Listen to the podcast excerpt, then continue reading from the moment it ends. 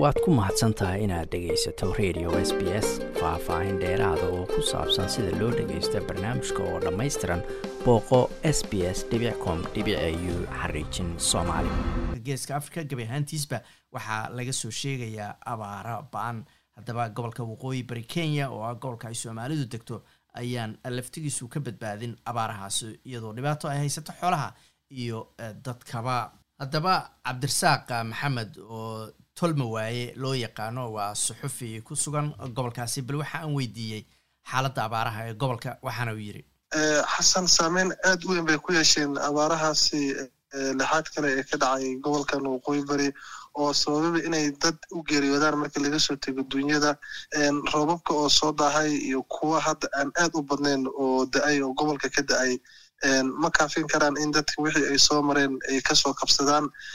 Ilaa iminkana qeybo ka tirsan gobolkan waqooyi beri oo roobka uu ku da'in baa jira. Marka laga soo tego meelo badan oo kale oo laakiin roobka uu ku da'ay balse uu ku filnayn marka dhibaatooyin fara badan oo xoolo la'aan iyo dhibaatooyin kale ayaa ka soo gaaray dadka shacabka ah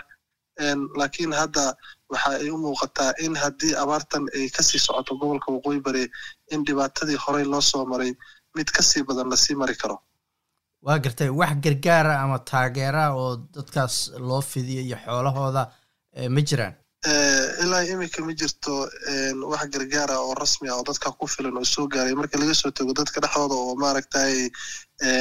isxilqaamay sifi ay wax ku gaarsiin lahaayeen goobahaasi. Marka dowladdan waxay ku dhawaaqday sannadkii la soo dhaafay in arrintan ay tahay musiibo qoran oo afka qalaad ay ku sheegeen national disaster. Marka ma jira caawimaad rasmi ah oo ku filan dadkaasi halkan ku dhaqan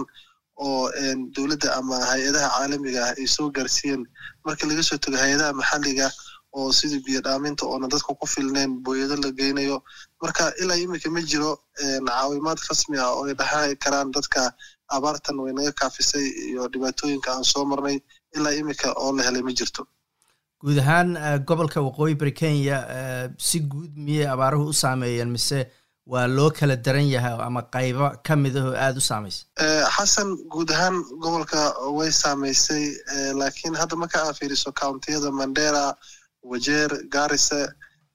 dhibaatada u weyn ee hadda jirta waxay ka taagan tahay dhanka abaarta oo weli aana roobab ka di'in qaybo ka tirsan wajeer gaar ahaan koonfurta wajeer. Marka laakiin abaarta guud ahaan way saamaysay gobolka waqooyi bari dhammaantiis. Laakiin waxaa u sii daran qaybo ka tirsan wajeer oo haddana koonfurta wajeer dhowaan mid ka mida odayaasha xoolodhaqatada oo aan la sheekaystay wuxuu ii sheegay in qaybo ka tirsan koonfurta wajeer uusan wax roob ah ku di'in marka laga soo tego meelo kale oo ay waxyar oo aan ku filnayn ay ku da'een. Marka dhibaatada kale taagan xasano waxay tahay in goobihii uu roobka ku da'ay ay ku soo burqanayaan ama ay ku soo qulqulayaan dadka goobaha ay deganaayeen aan roobabka ka dhicin taasoo keentay in sicir barar iyo maaragtay dhibaatooyin fara badan oo mararka qaar xitaa in ay keento dagaalo u dhexeeya qabaa'ilada ay sababaan marka wajeer ayaa aad ugu daran laakiin gaarisa iyo wajeer iyo mandera abaarta saameyn xun bay ku dhufatay. Waa gartay. Marka dadka weli ma la gaara heer xoolihii ay ka dhammaadeen oo dadkii oo keligood socda ay magaalooyinka tagaan mise weli xoolihii waa u nool yihiin biyo la'aan baa hayso biyay u baahan yihiin halkaa in lagu gaarsiiyo waa ay jirtaa dad badan oo xoolihii ay ka dhammaadeen oo waxba aan gacan ku haynin. Qaar xoolo badan dhaqanaya oo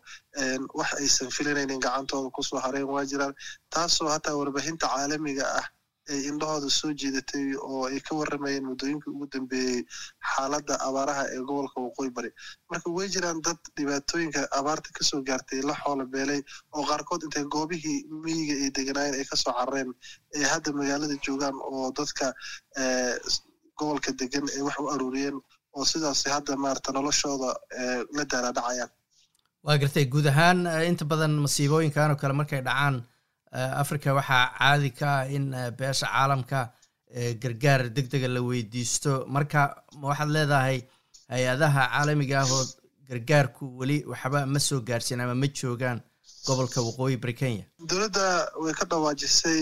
dadka shacabkana way ka dhawaajiyeen inay gargaar caalami ah ay doonayaan. Laakiin waxa hadda soo gaaray lisma dhihi kara xasanow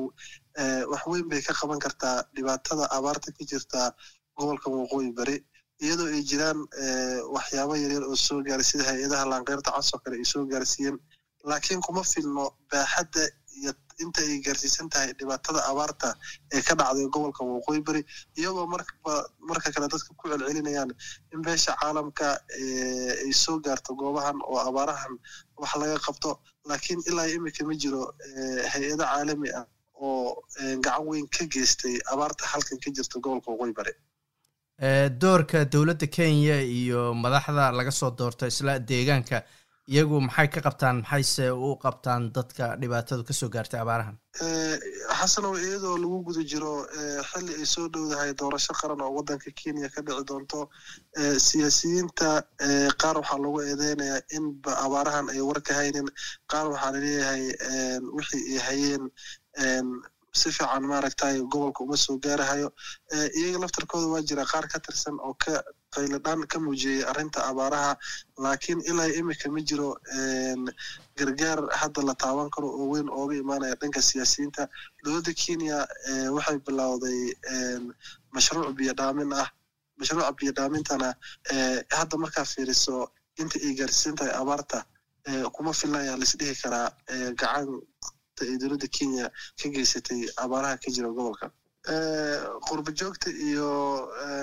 dhammaanba beesha caalamka waxaa ugu baaqayaa ka saxafi ahaan maadaama aan goobta ku sugnahay oo xogogaal aan ahay dhibaatooyinka abaarahana aan marba marka ka dambeysa soo tawin hayno dadkan halkan ku tabaalaysan waa in gargaar bini aadanimada la soo gaaraa sifa ay maaragtay abaarta hadda hayso bal oo la daalaadhacaan oo maarata nolol maalmoodkeeda ay helaan. Dhibaatooyinka hadda ka taagan xasan ugu weyn ee hadda la taaban karo waxay tahay biyo la'aan oo goobaha qaar booyada aan ku filnayn baa la geeyaa. Marka dadka qurba joogta ah soomaalida gaar ahaan iyo beesha caalamka gudbo waxaan ugu baaqayaa in dhibaatooyinka abaaraha ee ka jira gobolka waqooyi bari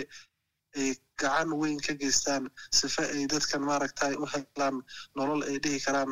haddii ilaahay idmo robabka marka hel la helo way ku gaari karaan. Kaasina wuxuu ahaa cabdirasaaq maxamed oo loo yaqaano tolma waaye oo ku sugan waqooyi bari kenya. Waad ku mahadsantahay inaad dhegaysato raadiyaha s b s toos u dhegaysa barnaamijka habeenada arbacada iyo jimcada tobanka fiidnimo ama kaga soo cesho website-ka iyaga iyo s b s radio app. Booqo s b s com au xariijin soomaali